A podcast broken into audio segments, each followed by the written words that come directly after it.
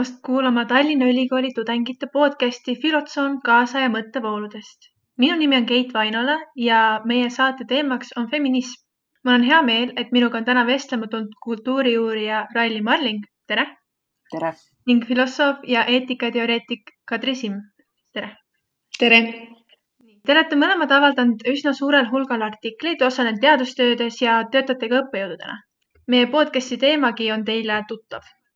sissejuhatuseks äh, soovikski ma teie käest küsida, kelle jaoks ning kas üldse on feminism tänases ühiskonnas enam oluline? kas kõik küsimused tõesti polegi juba vastuseid leidnud?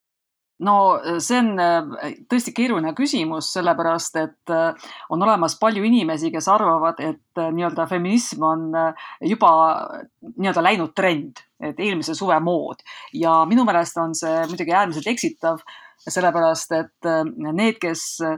tüüpiliselt vastavad, et feminismi aeg on läbi, ei ole mõelnud süvitsi selle peale, mida feminism tähendab.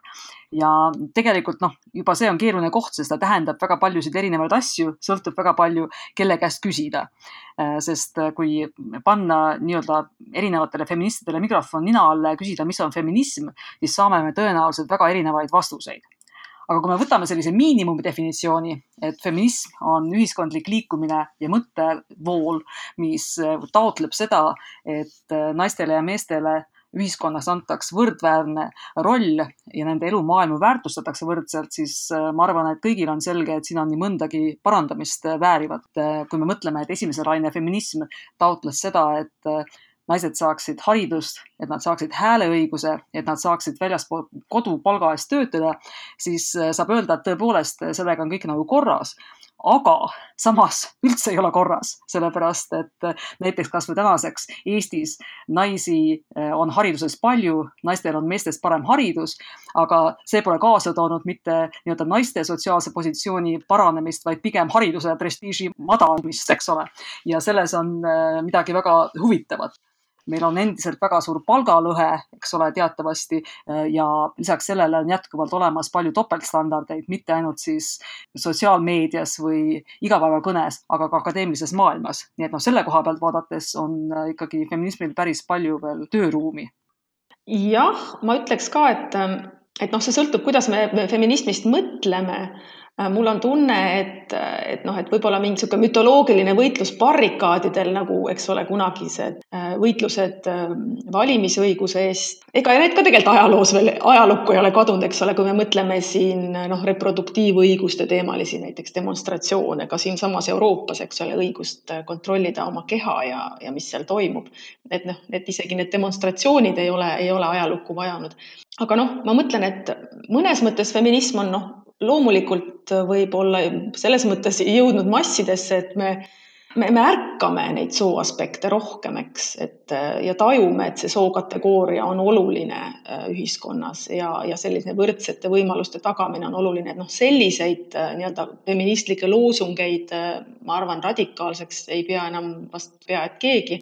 nii et noh, selles mõttes on, on feminism teataval määral nagu mainstream itud küll, et eks ole, meil ju ka näiteks, ma ei tea, poliitikaotsuste tegemisel sageli pööratakse näiteks tähelepanu sellele, et kas mingi seadus võib mõjutada erinevalt erinevaid sugusid näiteks. et selles mõttes feminism on, on jah, nagu just nagu juba olemas ja kohal, aga mulle tundub ka jah, et, et muidugi tööd on veel, veel ees ja, ja mulle tundub ka, et, et feminism on saanud just oluliseks võib-olla ka nagu sellistele uutele gruppidele, et noh, mitte naistele kui sellistele, eks ole, vaid pigem ka näiteks noh, transsooliste ja geide ja lesbide õigustele, et siis noh, nemad on leidnud selles feminismis ka üsna palju toetust oma eesmärkide saavutamisel. just selline võrdsete võimaluste ja õiguste tagamine, ütleme selline hierarhia ja ekspluateerimise vastane suundumus, et see on, näitab, et feminism on jätkuvalt oluline mina tahaksin veel lisada selle mõtte, et Kadril on väga õige rõhuasetus, et eh, kaua aega on olnud, eh, noh ka Eestis muidugi, eh, eksiarvamus, et feminism on mingi naiste värk eks ole, aga tegelikult on äh, feminism algusest peale proovinud problematiseerida sellist väga selget ühest ja hangunud binaarset arusaama sellest, et on olemas äh, ainult mehed ja ainult naised ja siis selle grupi naised sees on väga ühesugused inimesed ja siis selle grupi mehed sees on teised täpselt ühesugused inimesed. ja, ja feminism juba mitu aastakümmet ei tee selliseid universaalseid suuri väiteid, eks ole, naiste ja meeste, niimoodi paneme suurte tähtedega need kohta, vaid pigem saab aru, et iga sooga kategooria sees on palju nii-öelda intersektsionaalseid identiteeditelgi. see tähendab, et lisaks soole peame me mõtlema klassile, vanusele, haridustaustale, religioossele taustale ja kõik need mõjutavad inimeste käitumist sooliste olenditena ja Kadri juba märkis, eks ole, seksuaalsust. tänapäeval feminismi sees on suured võitlused sellel teemal, kes üldse on naine näiteks. nii et eh, juba selle koha pealt minu meelest on feminism väga päevakajaline, sest see aitab ka teistes eh, nii-öelda mõttesuundades läbi analüüsida meie noh, nii-öelda mõtte põhikategooriad. et kui me mõtleme feminismist ja vaidleme selle üle, kes on naine, siis eh, noh, see julgustab meid üldse igasuguseid loomulikuks võetavaid kategooriaid, kas just eh, küsimärgistama, aga vähemalt kompima. ja minu meelest see on nagu feminismi selline suur panus laiemasse mõttemaailma või mõttevoolude hulka mul on väga hea meel, et te need punktid just välja tõite, sest minu järgmine küsimus olekski, et äh, miks tekitavad siis feministlikud liikumised maailmas niivõrd vastandlikke reaktsioone, kui eesmärgiks on tegelikult ju inimeste üldine aitamine? kas see on pigem sellistest müütidest tulenev äh, eksiarvamus või mis te olete märganud oma töödes? noh, mõne, mõnes mõttes võib öelda, et, et võib-olla see, see feminismile vastandumine on teataval määral selline müra, eks, et me kuuleme ju ikka seda, kes kõige kõvemini karjub, eks ole, et me ei ei loe artikleid, ei näe sotsiaalmeedias mingeid karjeid selle kohta, et feminism on õige ja hea, vaid me ikkagi reageerime sellele, kui keegi midagi, midagi ütleb selle vastu. Nad ei näe feminismi sellisena, et, et feminism, eks ole, nagu te siin ütlesite, et see on inimeste üldine aitamine, vaid nad näevad seda väga, väga kitsalt ikkagi ka kui kellelgi mingite õiguste äravõtmist. ma kujutan ette, et noh, feminism ei ole nende jaoks, eks ole, mitte selline win-win, eks ole, et noh, et see aitab nii naisi kui see aitab ka mehi, eks ole, näiteks leida uusi rolle endale ja uusi võimalusi oma elu elada vaid see on ikkagi kellegi kahjustamine, et noh, ma kujutan ette, et selliseid inimesi ikkagi ju ka on ja selliseid vaatepunkte, mis näevad, et feminism on, on teatav, et, et see ei ole selline inimeste üldine aitamine või, või selline rohkemate inimesteni suure vabaduse toomine. Minu vastus oleks alati, et äh, erinevalt paljudest teistest küsimustest on sooküsimused alati isiklikud sellepärast et noh, meil ei pruugi olla väga tugevaid maailmavaatelisi eelistusi, aga me oleme alati sündinud mingit moodi soolistena. me oleme kas naised või mehed, meil on mingisugune identiteet ja me oleme teinud äh, oma elu kohta valikuid, eks ole, ning meile ei meeldi, kui keegi teine tuleb meie tehtud valikuid kritiseerima, sest need on väga isiklikud valikud. kuidas me ennast igapäevases elus äh, nii-öelda esitame, kuivõrd äh, noh, rõhutatult naiselike või mittenaiselikena me ennast välja mängime millised on meie eelistused partneri valikul, millised on olnud meil, meie eelistused pere loomisel või partnerlussuhte loomisel, kas meil on lapsi või mitte, need on väga isiklikud valikud, eks ole. ja mitte kellelegi ei meeldi, kui sellistes asjades keegi sekkub. nii et noh, kui me valime poliitiliste parteide vahel, eks ole, siis noh, vahet ei ole aga et kui äh, keegi tuleb rääkima meie partneri valikust, siis tundub, et, et keegi sekkub millesse, mis, mis on loomulik ja kui mitte kaasasündinud, siis vähemalt sisse kasvatatud. ja, ja, seal lõõmavadki kirjad tunduvalt kiiremini ja tunduvalt äh, eredama leegiga kui näiteks maksu või metsaküsimustes, eks ole. et minu meelest on siin äh, noh, noh väga selgelt selline endale koju kätte tulemine üks kirgede põhipõhjus ja võib-olla ka mina nagu noh, just nagu Kadrigi ütles, et tunnetan seda, et, et me tihtipeale kuuleme seda noh, lärmi või mäsu rohkem, sest enamus inimesi ei kirjuta lehte, et öelda, et ei, et noh, minul läheb hästi et ei olegi nagu midagi, mille üle vinguda. et sellist artiklit ei tule, et, et meedia korjab ikkagi üles selle koha, kus jälle keegi hüsteeriline inimene midagi ütleb, ütleb teravalt, ütleb pahasti, sest seal on uudis. kui ei ole uudist või lärmi, seal ei ole uudist ja noh, eriti sooküsimustes, kui ma tohin veel ühe märkuse teha, ma äh, laenan selle mõtte äh, Ameerika äh, nii-öelda meesuurijalt Michael Kimmelilt, kes ütleb, et eriti sooküsimustes ei ole inimeste jaoks tähtis mitte statistika ehk siis mitte see, kuidas asjad tegelikult on, vaid kuidas nad tunduvad. Ja et eriti olukorras, kus on hästi palju ebakindlust, noh, näed kasvõi juba praegult seoses viirusega või ka majanduslikus ebakindluses, me tahame mingisugust stabiilsust ja paljudele inimestele see stabiilsuse koht on nii-öelda need äh, välja kujunenud soorollid. Nad tahavad nii-öelda koju tulla ja et seal keegi neid enam ei segaks et, et mingidki asjad oleksid paigas. ja noh, seda on hästi palju uuritud just sotsioloogias, kuidas praeguses kontekstis, kus majanduslik areng või hüvede jaotumine ühiskonnas on olnud väga ebaühtlane, on tekkinud hästi palju konservatiivseid ja feminismi vastaseid seisukohti just nimelt ühiskonnas pigem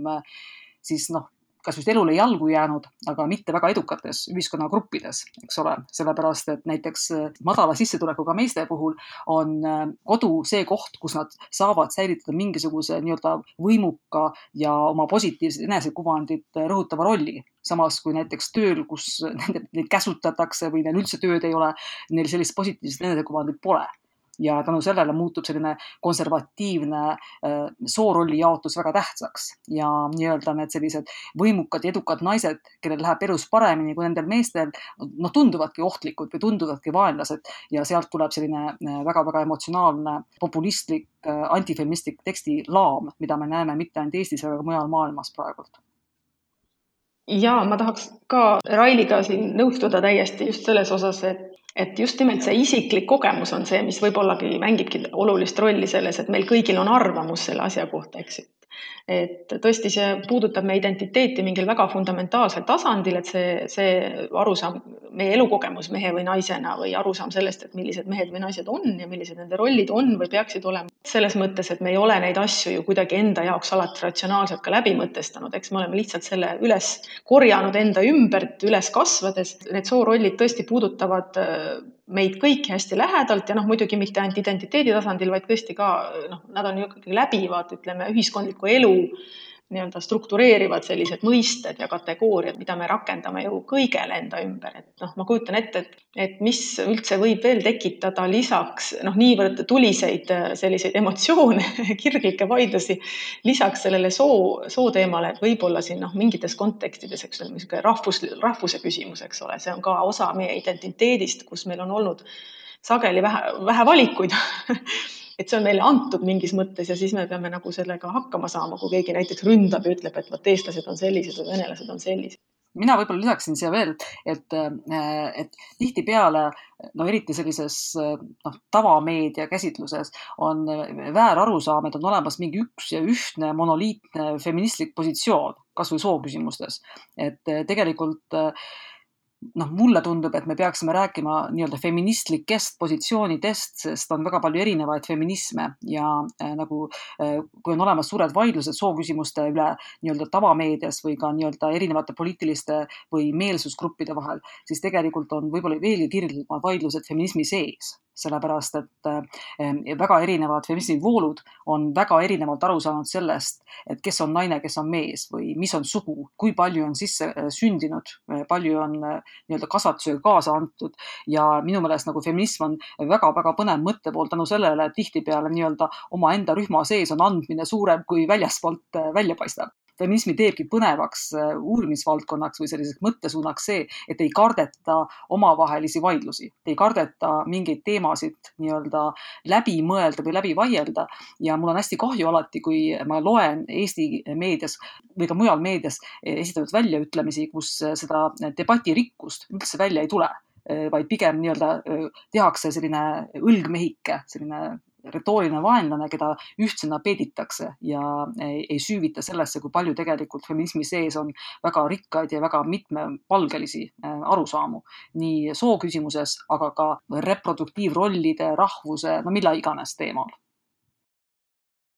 väga hea, et siis kui me võtame näiteks Eesti sinna ette, et kui Eestis on ka samamoodi, nagu teie olete uurinud hästi suurel hulgal feminismi kohta ja on kirjutatud ka teataval määral artikleid ja avaldatud arvamusi, et miks siis Eestis, kus olukord tegelikult on naistel-meestel võrdne, teataval määral võrreldes siis ülejäänud maailmaga, et miks siis ka Eestis see on, kas Eestis on siis, ongi, et see rahvusküsimus või on ka seal mingisugused segased müüdid ja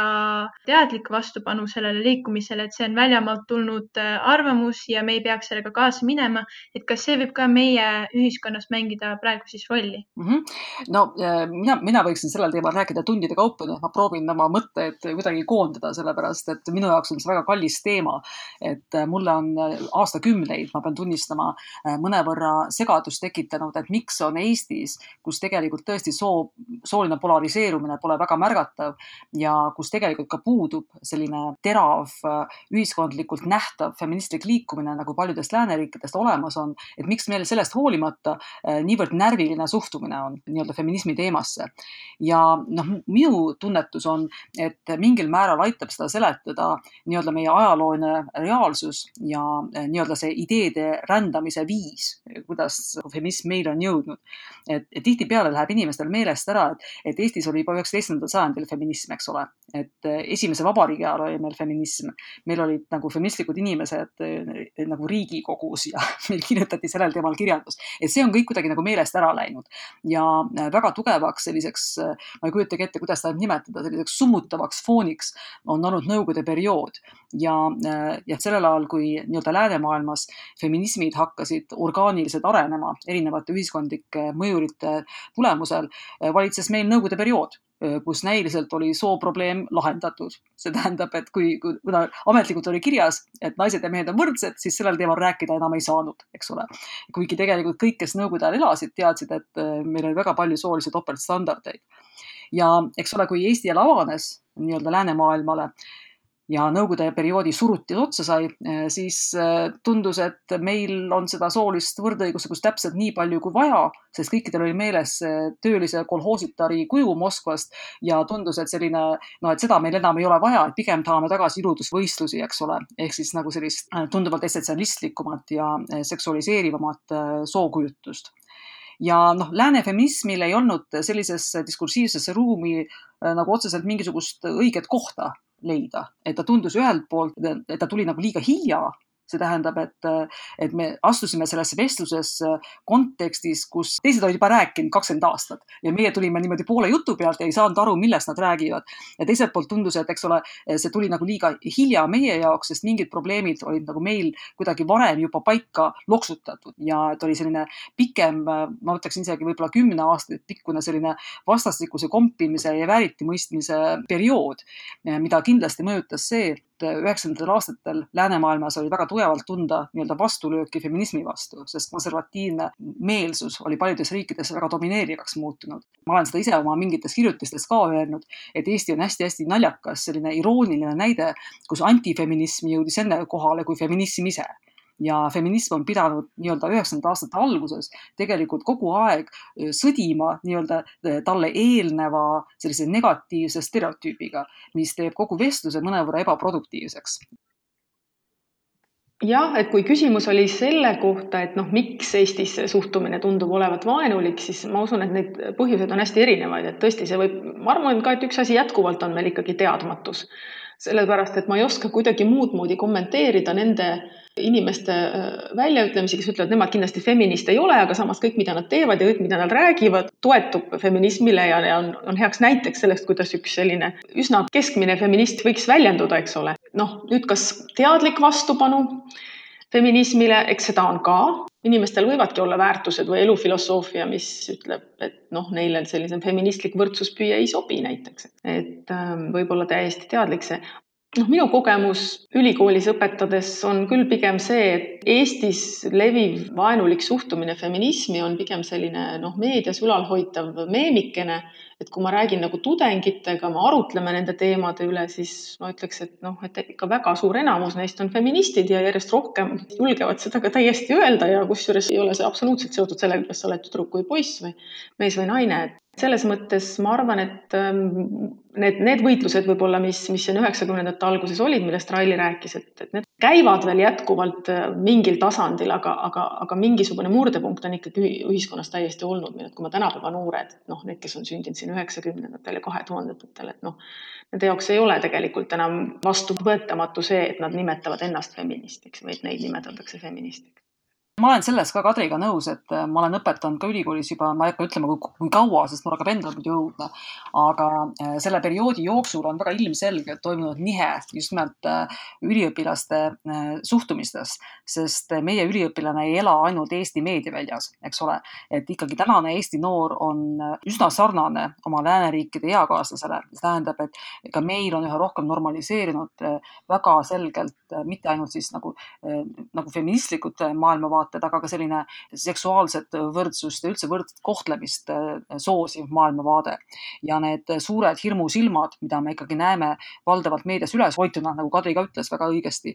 tulenevad ikkagi mingil määral nagu põlvkondlikest traumadest või vähemalt mingitest kivinenud arusaamadest ja võib-olla me ikkagi näeme tulevikus üsnagi kiiresti teatud muutusi. kuigi noh, mina muidugi siinkohal tuleksin tagasi ühe asja juurde, mida Kadri ka mainis, et, et noh, maailmavaade loomulikult on väga tähtis ja Eesti kontekstis nagu feminism näib vastuvat kahtedele konnasilmadele, kui tohib niimoodi öelda. et ühelt poolt loomulikult on äh, nagu teatav pinge feminismi ja sellise rahvusliku mõtte vahel kuigi äh, see ei pea ilmtingimata seal olema. aga noh, see, kuidas Eestis rahvusküsimust viimastel aastatel on presenteeritud, tõepoolest ei võimalda nii-öelda sellist võrdõiguslikkusele suunatud dialoogi väga hästi pidada. Noh, kindlasti feminismil on teatav pinge meie ühiskonnas levinud iibekäsitlusega, sellepärast et näib, et väga paljud poliitilised jõud eeldavad, et iibeküsimust saab lahendada lihtsalt sündide suurendamisega ja unustatakse, et lapsel on ka elu pärast sündi ja et see elu võiks olla kujundatud niimoodi, et meil tekivad terved, loovad ja säilenõtked kodanikud ning selles protsessis oleks feminismil väga palju kaasa rääkida. aga kuna feminismil on reproduktiivpoliitika suhtes väga äh, tugevaid seisukohti, siis jääbki ta nagu Eesti äh, poliitilises debatis äh, minu meelest viljakalt viisakalt sellesse küsimusse kaasamata ja see on see üks koht, kus ma näen nagu äh, feminismiga poliitilist marginaliseerimist täitsa teadlikult. ja noh, teiselt poolt ma leian ka, et on teatav noh, nii-öelda pingekoht feministlike võrdõiguslikkuse taotluste ja meie üldise neoliberaalse ühiskonnakorralduse või väärtushinnangute vahel. kuna Eesti on ennast defineerinud saavutusühiskonnana, kus tähtis on nii-öelda indiviid ja indiviidi enda äh, egoistlik edasiliikumine, siis nagu feminism on seal ka nagu natukene selline kivi kinga sees me ei kujuta ette, et kuhu meie poliitilised dominandid lähevad, aga rahvusluse ja sellise nagu neoliberalistliku suunitluse suunas on feminismil noh, teatavaid pingekohti väga hea, et te mõlemad tõite ka välja seda just, et millised maailmavaated inimesi mõjutavad nii põlvkondadevaheliselt kui ka ühiskonna ja piirkonna vaheliselt suhtes. et äh, mis te arvate, millised filosoofilised mõtteviisid võivad inimeste suhtumist siis ka antud äh, küsimustes teadlikult või alateadlikult suunata? et kui võtta nüüd äh, mõni mõtleja, kes on esitanud oma arvamust ühiskonna toimimise kohta, et mis te arvate, kas on võetud mingi grupina arvesse või eeskujuks mõne mõtleja mõttemall, näiteks äh, millilik suveräänsusprintsiip, mille järgi kõik peaks enda keha üle saama ise otsustada, et kas see võib olla siis praeguse noorteühiskonna nii-öelda suuna mõtteviisiks? noh, muidugi ma arvan, et, et noh, ühiskonna tasandil ma arvan, on üsna raske neid, neid hoiakuid nagu selliste kindlate filosoofiliste traditsioonidega siduda, et siin me sageli ikkagi peaksime rääkima pigem nagu kultuuritraditsioonidest, nendest hoiakutest ja praktikatest ühiskonnas ja peredes, mille tulemusel siis ühed rollid paistavad loomulikumad ja just nagu õigemad kui teised aga noh, kui, kui, kui piisavalt sügavalt kaevata, siis, siis küll see filosoofia ka sealt kuskilt ikkagi välja tuleb, et ma ei kujuta ette, võib-olla mingisugused filosoofilised suunad, kus rakendatakse rohkem sellist mehelikkust ja naiselikkust nii-öelda sümboolsete kategooriatena maailma mõistmisel ja seletamisel ja selle põhjendamisel need võivad ehk põhistada sellist essentsialistlikumat lähenemist. aga nagu Raili ütles, et eks ole, et on ka meil essentsialismi nagu feminismis endas, eks. ja, ja noh, muidugi selline klassikaline liberaalne lähenemine, eks ole, John Stuart Mill ja, ja, ja kõik see muidugi, mis, mis toetaks siis ikkagi sellist, sellist võrdsust ja võrdsete, võrdsete võimaluste pakkumist. jah, ma, ma ütlengi, et ma, ma nagu ei julgeks nüüd ühegi kindla filosoofiga nüüd väga seda siduda, et kuidas need hoiakud ja arvamused äh, mingisuguse teoreetiku või mingisuguse filosoofilise vooluga on seotud, aga aga noh, näide kasvõi sellest samast, mis Raili enne tõi, näite rahvusluse ja, ja iibe teemal, et siin mulle tundub, et on olnud noh, ütleme just viimase paari aasta näited on päris huvitavad, kus sellist konservatiivsemat rahvuslikku maailmavaadet on tegelikult minu arvates nagu sisse toodud. kui me mõtleme sellele, millised debatid on noh, Ameerika Ühendriikides või ka Euroopas või näiteks no, lähedal Poolas Neid katseid, äh, mõttevoolusid ja, ja, või ka ideoloogiaid äh, Eestis rakendada ju oli, eks ole, kui me mõtleme selle peale, et millal nüüd see, uus valitsus tuli eelmine aasta, et kuidas siis läks lahti nagu tohutu abordidebatt äkki, eks ole, Eestis. noh, ja siis sa saad tegelikult aru, et kuna see reaktsioon oli ikkagi nii kindlameelne, et nüüd ei ole keegi julgenud enam poolteist aastat sel teemal piksatadagi, eks ole, et siis, siis sa saad aru, et tegelikult Eestis on ikkagi mingid sellised feministlikud hoiakud nii juurdunud, et, et noh, see sealt kohast urgitsedes kuhugi ei jõutud. Mina ei ole nagu otseselt filosoof, eks ole, ja mul on selles, selles mõttes hea meel, et Kadri ütles seda, et, et on väga noh, raske ja ütleme ka no teaduslikul tasandil, eks ole, mitte valiidne tõenäoliselt eeldada, et paljude eh, nii-öelda avalikus ruumis ringlevate mõtete taga on mingi välja kujunenud filosoofiline, maailmavaateline perspektiiv et eh, vaieldamatult, kui me mõtleme feminismide sisemisele arenguloole, et siis loomulikult on sellest hästi tähtis olnud selline liberaalne traditsioon, sest eh, kui meil ei ole arusaama indiviidi väärtusest ja aru saama, et indiviid on väärtuslik iseendana, siis ilma selleta on väga raske muidugi feministlikku debatti pidada kaua aega on ikkagi ka feminismis olnud väga keskne selline individualistlik äh, liberaalne analüüsisuund ja ma arvan, et see on noh, jätkuvalt ikkagi ka Eesti inimestele kõige rohkem hoomatav selles debatis. et me tahame, et meid väärtustatakse inimestena ja meie saavutuste põhiselt, oleme me mehed või naised. et ma arvan, et äh, kui hakata eestlastele seletama, et miks neile on äh, feminismi vaja, siis selle argumendiga pääseb kõige kiiremini nii-öelda naha vahele ja saab inimesele hakata äh, asju seletama. mulle tundub, et võib-olla meil on see kõige veenvam äh, positsioon olnud ja näiteks needsamad äh, viimase aasta paari vaidlused paljude teemade üle, mida tõesti on proovitud väljamaalt sisse tuua, ongi näidanud, et meil on see individualistlik lähenemine tunduvalt rohkem juurdunud kui näiteks religioosne maailmavaade. et, et me ei ole Poola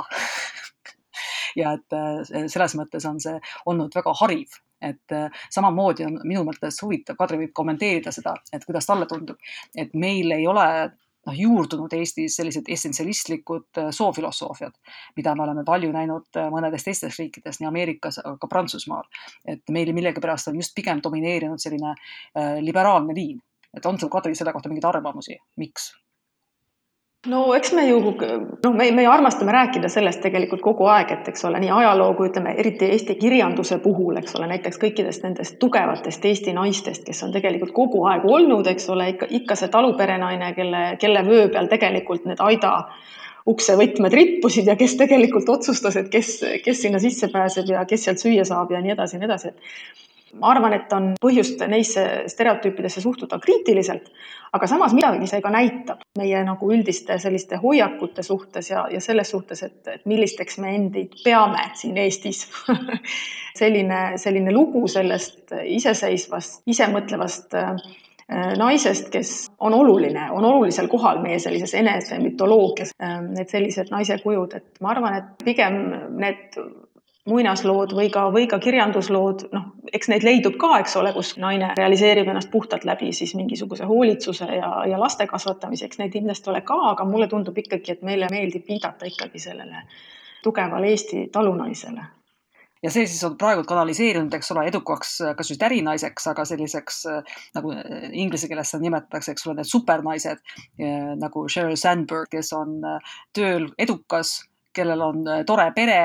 ise näeb ka päris kobe välja, et see, see ikkagi on noh, põhimõtteliselt äh, meil minu meelest äh, ka ikkagi väga tugevasti juurdunud naisideaal. maaemad on selle kõrval kindlasti olemas, aga see pole selline domineeriv äh, pilt, mulle tundub. ja minu meelest on tõesti noh, väga põnev, et, et meil pole rohkem üles võetud neid hooleeetika ja äh, muid selliseid essentsialistlikumaid feministlikke teooriaid, kus äh, räägitakse äh, nii-öelda essentsiaalselt naiselikest väärtustest ja vajadusest neid ühiskonda rohkem sisse tuua, et, et ma olen jupp aega mõelnud, et miks neid rohkem pole, nii et väga hea, et Kadriga nõus on, et, et meil on selline nähtavasti protestantlik tööeetika ja sellega kaasas olev individualistlik pakett nii kõvasti kultuuriliselt sisse kasvatatud, et äh, need essentsialistlikumad äh, feministlikud teooriad lihtsalt ei ole leidnud viljakat pinnast võib-olla. Väga hea, aga kui oleme nüüd aru saanud, et Eestis on hästi tugevalt see, et Eesti naine on ikka töönaine ja, ja üldiselt on ka väga arusaadav, et suur osa majapidamistöödest on ikkagi naise õlul, siis äh, millest võib üldse tekkida selline mõte, et teha vahet, et naine ei saa nii hästi tööd teha, ei ole võimeline nii palju erinevaid asju haldama, kui mees on, et väärib väiksemat palka, et kas see on siis näiteks mõni makiavellilik äh, soov äh, panna paika hierarhia ühiskonnas ja perekonnas, et keegi peab kedagi nagu kontrollima ja siis lihtsalt juhtus, et on niimoodi või on sellel tegelikult ka mingisugune algne põhi all? Ma ei oska nüüd väga nii-öelda nii arengubioloogiasse ja, ja sellesse teemasse minna, et kas seal mingi päris algimpulss on, mis neid rolle niimoodi paigale suunab, et, et ma kujutan ikkagi ette, et see meie vabaduse määr bioloogiast sõltumata on piisavalt suur, et me võiksime taluda ja nagu talumegi, eks ole, nii naispresidente kui naispeaministreid ja selliseid asju. Aga noh, ma, ma arvan, et noh, miks see on, on see, et meie ikkagi see ajalooline kogemus nii ühiskondlikul kui isiklikul tasandil on olnud ikkagi selline, me oleme ikkagi harjunud nendes liidrirollides nägema mehi, kuigi õnneks, eks ole, see on kõik muutumas. Ja kui me vaatame siin lähi, lähiriike põhja poole näiteks, eks ole, ja nii edasi ja noh, meil endal on naispresident, et noh, ma arvan, et need tüdrukud, kes kasvavad üles sellises ühiskonnas, kus see on normaalne ja, ja et meil on näiteks naispresident ja need meespoliitikud, kes arvavad, et ta oma tööga hakkama ei saa oma soo pärast,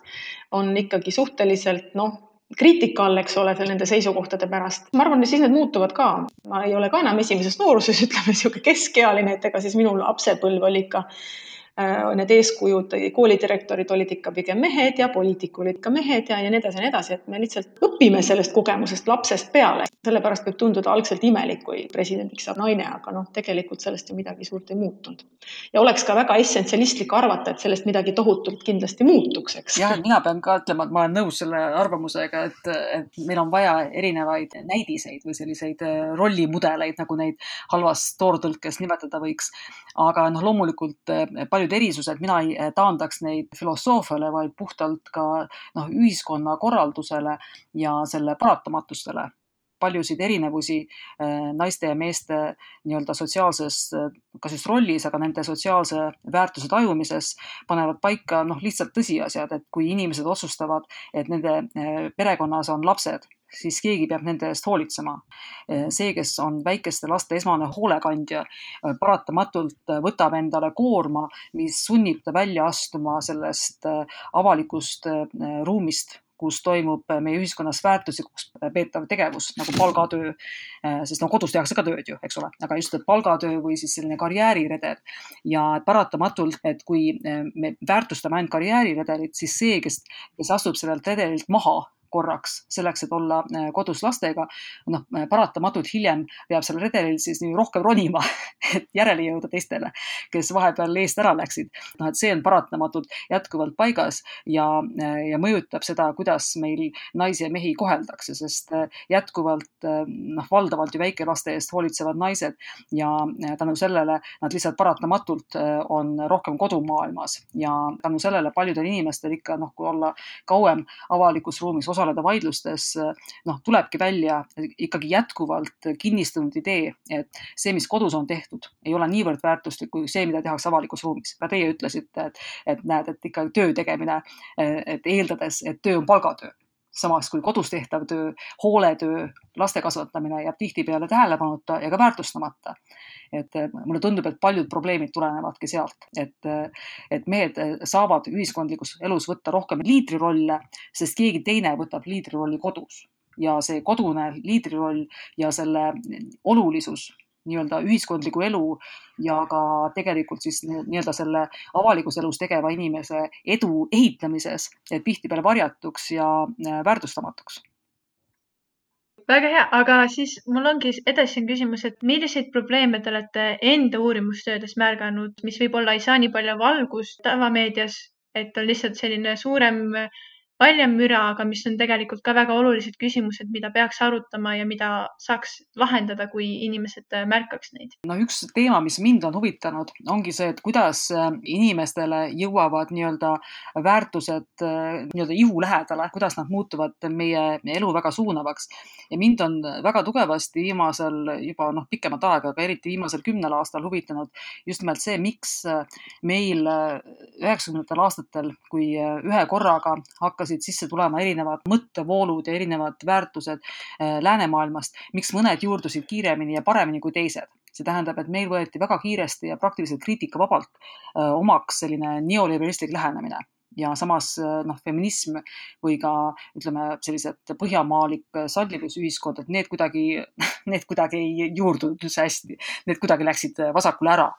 ja et äh, mulle tundub, et selles kontekstis on just hästi-hästi huvitav vaadata, kuidas noh, nagu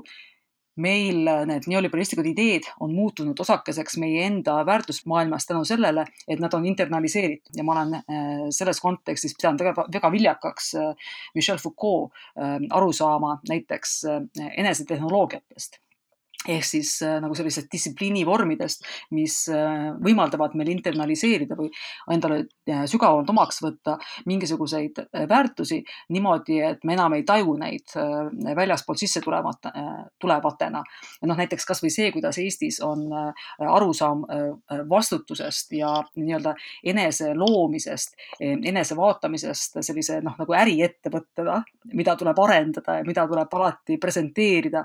kuidas tuleb tuleb olla valvas ja säilenõtke, et kui kasutada eriti äh, toredat kaasaegset sõna, et siis see nagu näitabki, et me enam ei pea seda neoliberalistlikku ideestikku kusagil kellelegi peale suruma, sest kõik on selle juba omaks võtnud, eks ole. Äh, kõik juba käituvad selle järgi, see tundub neile juba täiesti normaalne ja loomulik. Ja, ja noh, meil sellepärast meil ei juurdugi mõningad teised vaatenurgad, olgu need siis feminism või näiteks seesamane katoliiklikest riikidest päritud äh, essentsialistlik soonägemus et, et minu meelest see on hästi-hästi põnev ja ma sellest võiksin pikemalt rääkida, aga enne äh, kuulame, mis Kadri ütleb mul on küll küsimus, ma küll ei ole kursis üldse, mis asja, sa pead ütlema mulle, et ma saaksin aru, mis asi on säilenõtk, et mis, kuidas seda inglise keeles öeldakse? Resilience on see säilenõtkus, kuule see,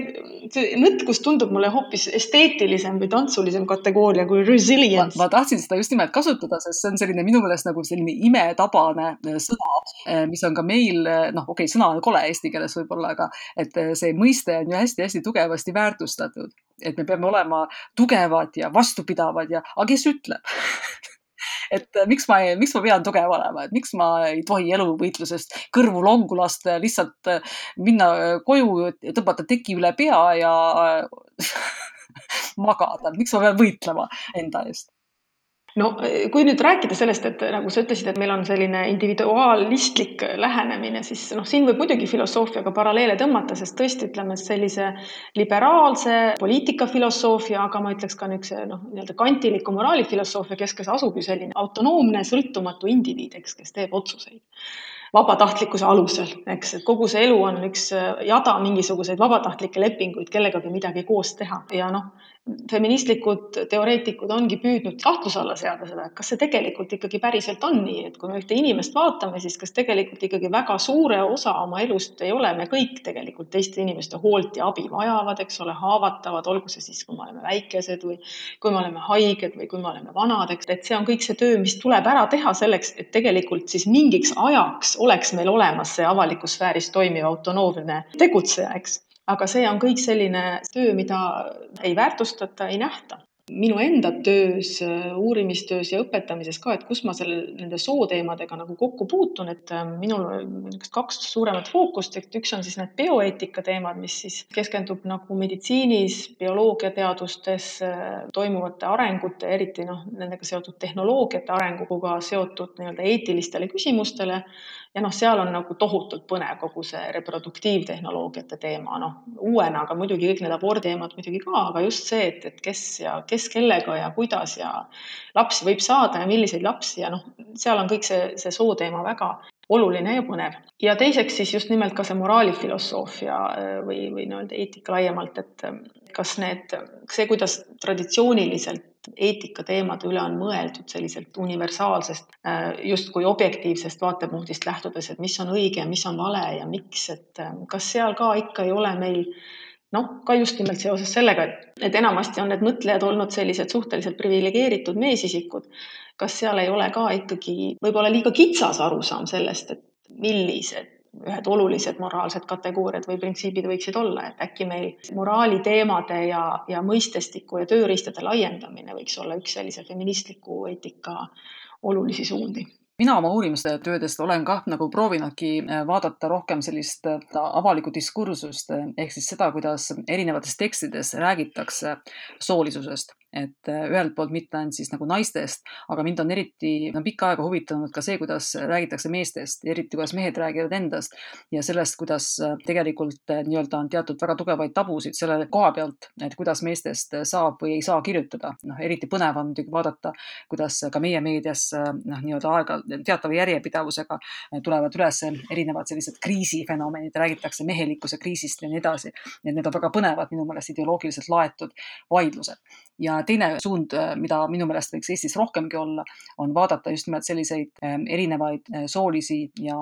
väga nüansirikkaid soolisi kujutlusi, representatsioone, mida me näeme ka kirjandustekstidest, sest me oleme harjunud neid tihtipeale lugema ainult läbi esmase sellise stereotüüpse nägemuse, aga kui me kaevume tekstide sügavusse, siis me näeme, et kirjandustekstidest saab tegelikult tihtipeale palju põnevamaid debatte läbi arutada kui meedias, sellepärast et kirjandus oma olemuselt on ambivalentne ja selles ambivalentses ruumis on võimalik näiteks äh, ka sotsiaalselt teravatel teemadel rääkida vormis, mida võib-olla meedias ei saaks. noh, toon siin nüüd suvalise näitena äh, näiteks Maarja Kangro romaani Klaaslaps, mis äh, võttis ikkagi, ütleme, paljud soolisuse ja ka reproduktiiveluga seotud teemad sellisesse radikaalsesse fookusesse, et ma tõesti ei kujuta ette, et kas selline artikkel ütleme, oleks olnud meedias kirjutatava kirjandustekstina, sai need Eestis täiesti katmata teemad järsku väga huvitavalt ja väga noh, mitmetahuliselt läbi räägitud. ma ei tea, Kadri, kas sa lugesid seda raamatut?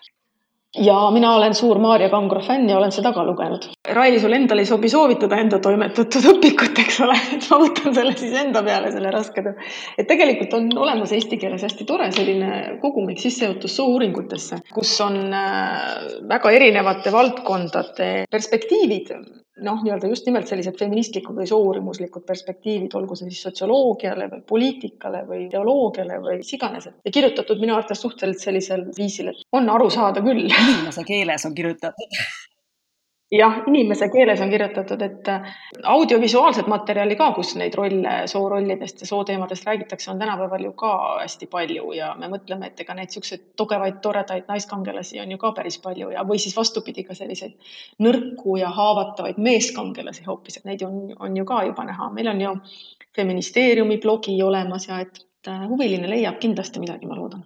väga hea, mul oligi sealt edasi küsimus, et kas välja arvatud siis see teos, kas on veel mõnda artiklit või arvamust, mis te arvate, et eh, inimesed kindlasti peaksid lugema, et avaks eh, silmi ja selgitaks väga hästi ja lihtsalt veel eh, segadust tekitavaid teemasid lahti? jah, et eh, kui inimene tahab ennast nii-öelda eh, Eesti reaalsuse teemal harida, siis mina veel soovitaksin sellist kogumike sarja, võiks isegi öelda, mille nimi on Teel tasakaalustatud ühiskonda, mida on Eestis välja antud iga kümne aasta tagant. esimene kord siis kaks tuhat, siis kaks tuhat kümme ja võib-olla tuleb ka sellel aastal. see on Sotsiaalministeeriumi egiidi alt tulnud kogumikud, kus on vaadeldud rohkem sellist sotsiaalses dimensioonis erinevaid ühiskonna aspekte ja huviline guugeldaja leiab selle ülesse mina ka siin sellise jälle nagu humanitaarina äh, igaks juhuks ka ikka meenutan, et lugeda võiks äh, selliseid äh, noh, silmi avavaid tekste, mis on võib-olla noh, mitte ainult feminismist otseselt, aga mis aitavad seda mõtestada. näiteks on eesti keeles ilmunud Virginia Woolfi klassikaline essee Oma tuba, isegi kaks korda on ilmunud ja et noh, see võimaldab mõelda sellest, kuidas Woolf, kui ma ei eksi, aastal kakskümmend üheksa, tuhat üheksasada kakskümmend üheksa siis kirjutades küsib, et läheb raamatukokku otsima otsima, kus naised on ja võtab enda raamatu selle registri lahti taga, teemaregistri ja siis hakkab otsima ja avastab, et seal on äh, juttu naiste peksmisest ja igasugustest muudest sellistest teemadest. aga et äh, nii-öelda nähtavaid naisi on äh, vähe, nii et minu meelest on hästi kasulik mõtteharjutus võtta see Wolfi klassikaline raamat ja mõttes üle mõelda, et mis siis on muutunud alates aastast kakskümmend üheksa. kas oleme me samas kohas, oleme me kusagil mujal ja kas meie arusaam sellest, et ühiskonnas elavad äh, nagu mitmesugused inimesed, nii-öelda mehed, naised, äh, erinevas vanuses inimesed, erinevate sooliste sättumustega inimesed, et äh, kas me oleme sellest mõttes rikkamaks läinud või mitte, et ma väga soovitan seda, see on hästi-hästi kainestav. me kipume arvama, et minevik on selline pime koht, kus kõik oli halvasti ja tänapäeval me oleme kõik valgustatud ja kõik on palju-palju parem, aga et aeg-ajalt on kasulik seda korrigeerida, seda vaadata. ja kindlasti ma ei soovita eesti keeles lugeda Simone de Beauvoir'i, äh, sest see ei ole eesti keeles väga õnnestunud väljaanne, nii et äh, filosoofiahuvilistel võib-olla oleks mõttekas seda lugeda mõnes teises keeles eriti originaalis see on äh, tõesti väga hea mõte ja ka soovitus ja see on ka hea koht meie tänase podcasti lõpetamiseks. mina ise sain küll täna väga palju uusi mõtteid juurde ning ma usun, et kuulajad samuti. ja lõpetuseks ma siis soovikski tänada meie külalisi Raili Marlingut ja Kadri Simmi minuga täna vestlemast. aitäh teile! aitäh kutsumast! aitäh kutsumast ja kuulamast! väga meeldiv! kohtumiseni ja head aega! Lisainfo koos selle saate soovitusliku kirjandusega on leitav meie kodulehelt aadressiga filotsoon.wordpress.com ja kindlasti ärge unustage kiikamast ka meie Filotsooni Facebooki. suur aitäh kuulamast, see oli Feminism Filotsoonis